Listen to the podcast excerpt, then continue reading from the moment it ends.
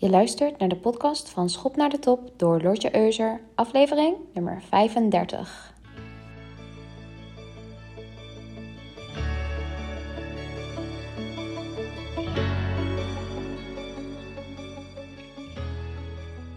Goedemiddag, leuk dat je luistert naar de aflevering van vandaag.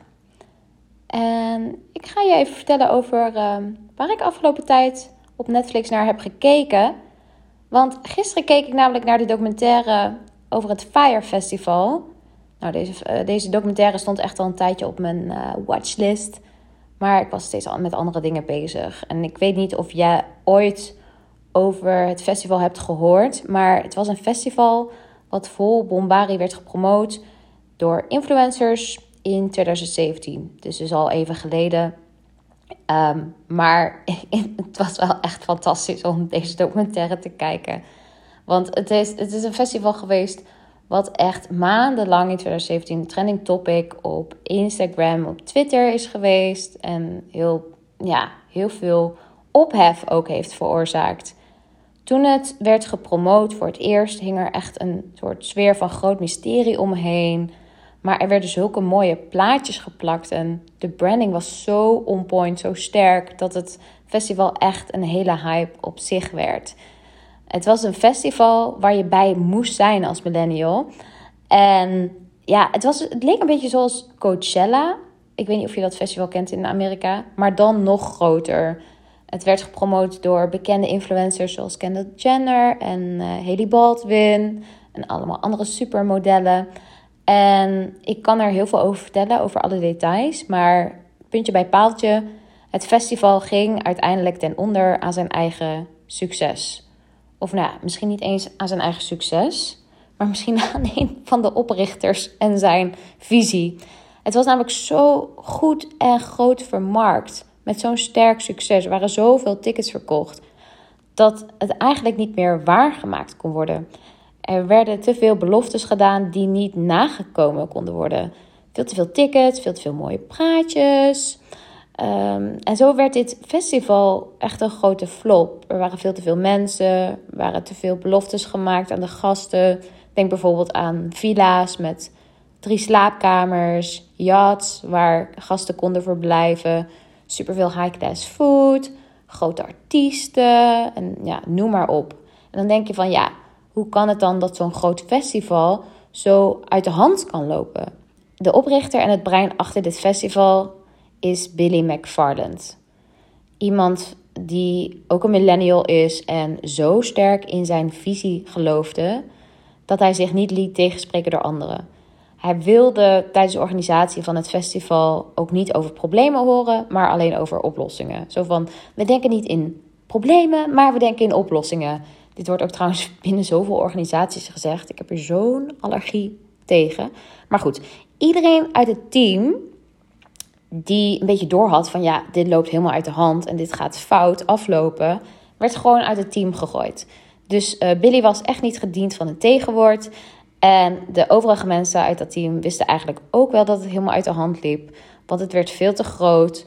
Uh, de locatie faciliteerde niet het, de droom, het idee. Het budget faciliteerde ook niet de droom.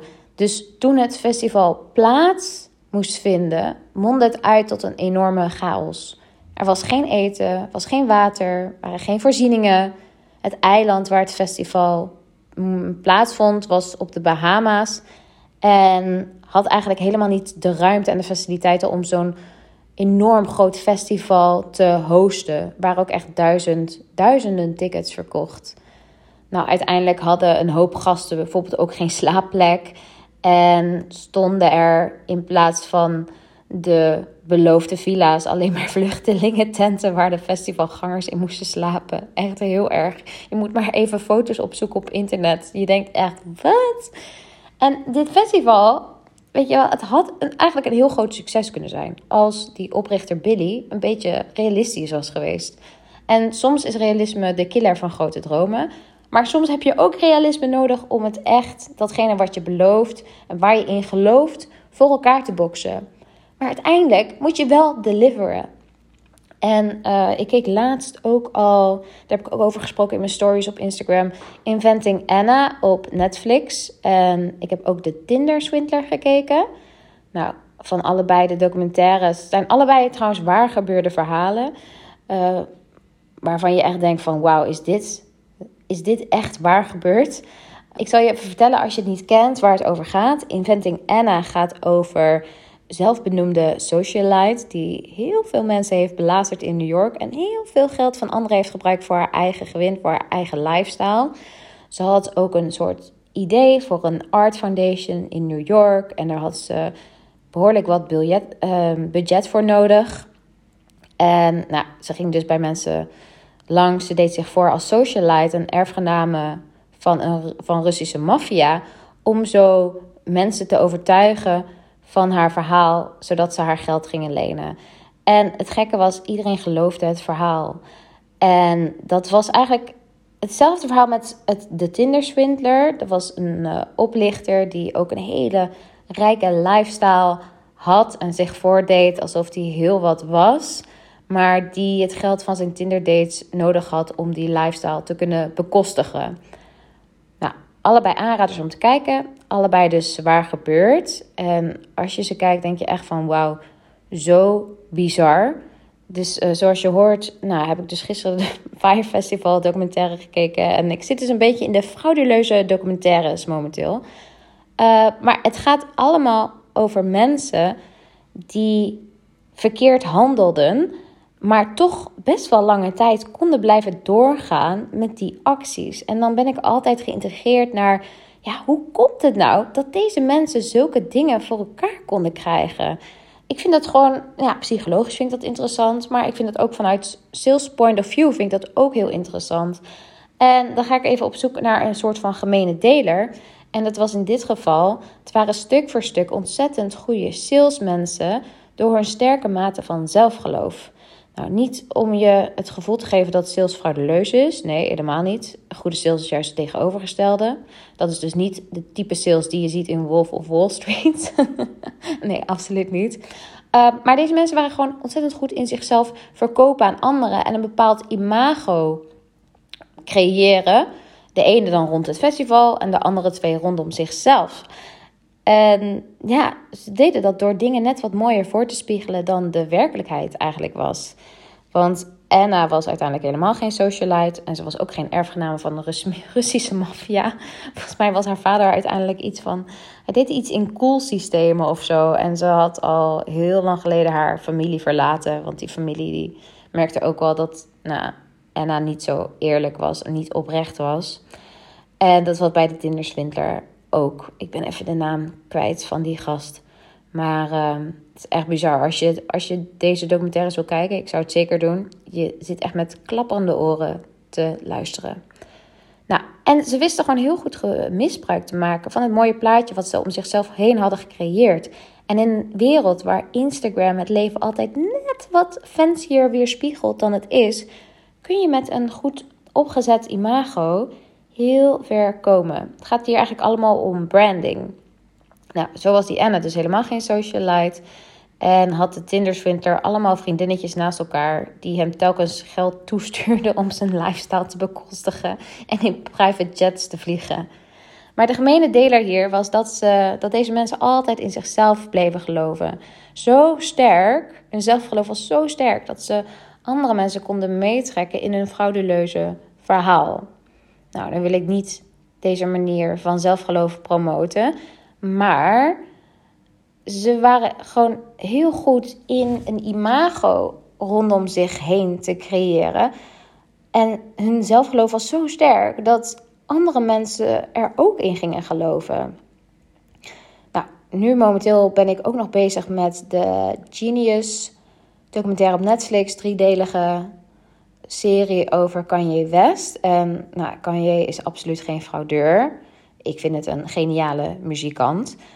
Maar uh, ik vind het wel een goed voorbeeld om hierbij ook te benoemen. Omdat het een voorbeeld is van iemand die onophoudelijk in zichzelf bleef geloven. En uiteindelijk na heel veel pogingen echt naam wist te maken in de muziekwereld. En ook zelfs in de fashionwereld. En als je de documentaire kijkt, driedelige reeks, dan uh, zie je ook echt, het begint zeg maar uh, wanneer Kanye nog heel jong is en nog helemaal niet bekend is als rapper. En in die tijd nog beats produceerde voor andere rappers. En ja, het duurde echt een tijd voordat Kanye echt serieus werd genomen in de muziekwereld. Uh, een wereld waar hij dus eigenlijk voor lange tijd alleen als producer werd gezien en niet als de rapper waarvan hij zelf wist: ik ben echt die rapper en ik ben zoveel meer dan alleen een beatmaker voor andere rappers. En hij zette door, sterk overtuigd door zijn eigen kunnen. En uiteindelijk kreeg hij ook die record deal bij Rockefeller Records, waar Jay-Z een van de co-founders was. Nou, uh, als je kan je tegenwoordig nog een klein beetje volgt of af en toe de achterklap op nu.nl leest. Guilty.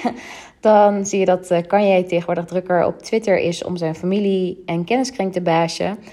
Uh, wat ik heel erg jammer vind, want het ja, leidt gewoon enorm de aandacht af van zijn talenten.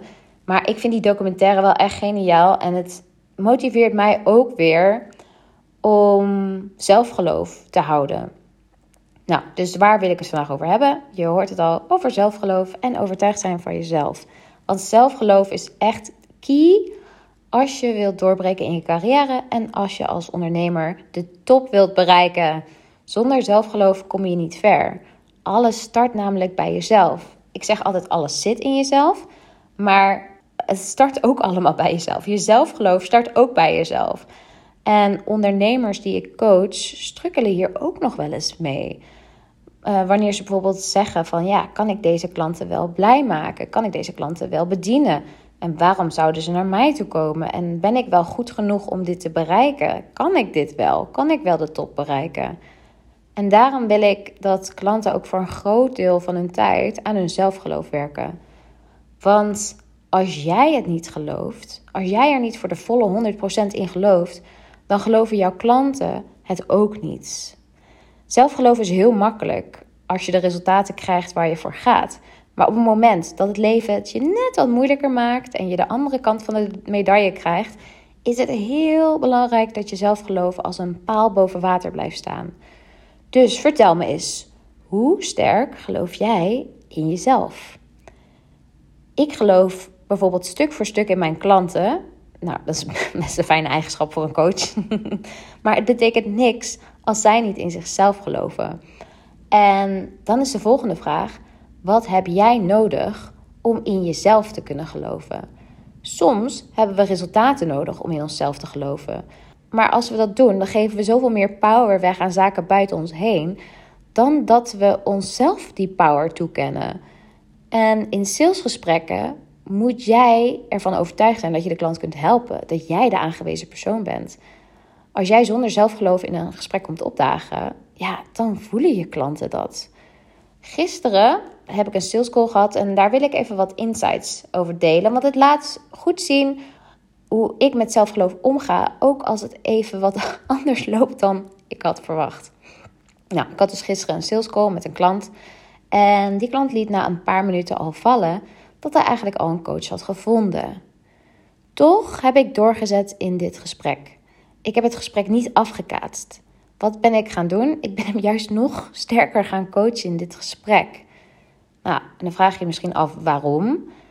Omdat, desondanks het feit dat hij al een coach had aangenomen, dat niet voor mij betekende dat ik niet meer geloofde dat ik hem niet kon helpen. Hm. Ja, het zijn misschien wel heel veel niet, niet, niet achter elkaar. Dus uh, laat ik die even weghalen. Um, ik geloofde dat ik hem kon helpen. Desondanks het feit dat hij al iemand anders had gevonden. En dat was hetgene wat ik hem wilde laten zien in dat gesprek. Mijn zelfgeloof was dus niet aangetast door die omstandigheden. En daarbij ging het niet om mij of dat ik iets wilde bewijzen of dat ik wilde dat hij zijn coach zou ontslaan of zo, of dat hij daar niet mee in zee zou gaan. Nee, ik wilde gewoon dat hij voelde dat ik hem kon helpen en dat die andere coach daar niet van invloed op zou kunnen zijn. Dus die andere coach heeft helemaal niks te maken met mijn zelfgeloof. Ik geloofde nog steeds dat ik hem kon helpen. En als ik in dat gesprek alleen op sales gefocust was geweest, dan had ik misschien wel het gesprek eerder beëindigd. Maar nee, ik dacht van ja, ik zit hier nu toch met die klant, weet je wel. Let's make the most of it. Want ik geloof er nog steeds in. En ik geloof ook dat dingen altijd op een positieve manier naar je terugkomen. Als je in jezelf blijft geloven. En als je blijft geloven dat je de klant ook kunt helpen. Desondanks wat er al eerder is gebeurd. No matter what. En dat is iets wat Kanye ook deed. En wat ook zo sterk in die documentaire naar voren komt. Kanye bleef ook gewoon zijn muziek afspelen voor recordlabels, ook al wilden ze hem niet aannemen. Waarom? Omdat hij in zichzelf bleef geloven. En hij wist, ooit, één dag, dan gaat het lukken. Ik word de best geklede rapper. Dat was wat hij toen wilde worden. Ik weet niet of dat nog inmiddels nog steeds zo is. Maar um, het komt erop neer dat de aanhouder altijd wint. En ook al kun je misschien nu nog niet het resultaat zien, je zelfgeloof moet, ongeacht je resultaten, altijd stevig blijven staan. In mijn 1 op 1 coachingprogramma wordt een bestseller, dat is de naam van mijn 1 op 1, gaan we ook aan het werk met zelfgeloof. Zodat jij jezelf kunt verkopen, wat er ook gebeurt. Wat er ook gebeurt in je salesgesprekken, wat er ook gebeurt in je DM's, wat er ook gebeurt met je social media getallen, wat er ook gebeurt met je omzet, wat er ook gebeurt met je klanten. Zodat je jezelf erdoor, erdoorheen kunt leiden met je zelfgeloof voorop. En ja, wat is dan de volgende stap hierin na het zelfgeloof? Dat is dat je waarmaakt wat je belooft. Dat je voorbereid komt opdagen. Als de organisatoren van het Fire Festival beter voorbereid waren, als zij hadden gezegd: we kunnen max zoveel mensen kwijt voor dit festival, dan had het echt een succes kunnen worden. En dat is wat ik je wil meegeven voor nu. Zorg dat je mooie praatjes geen loze beloftes worden.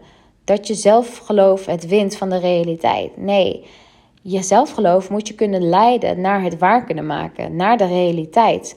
Want zelfgeloof is prachtig en daar start het dus mee. Maar klanten geloven het pas echt als je het waarmaakt.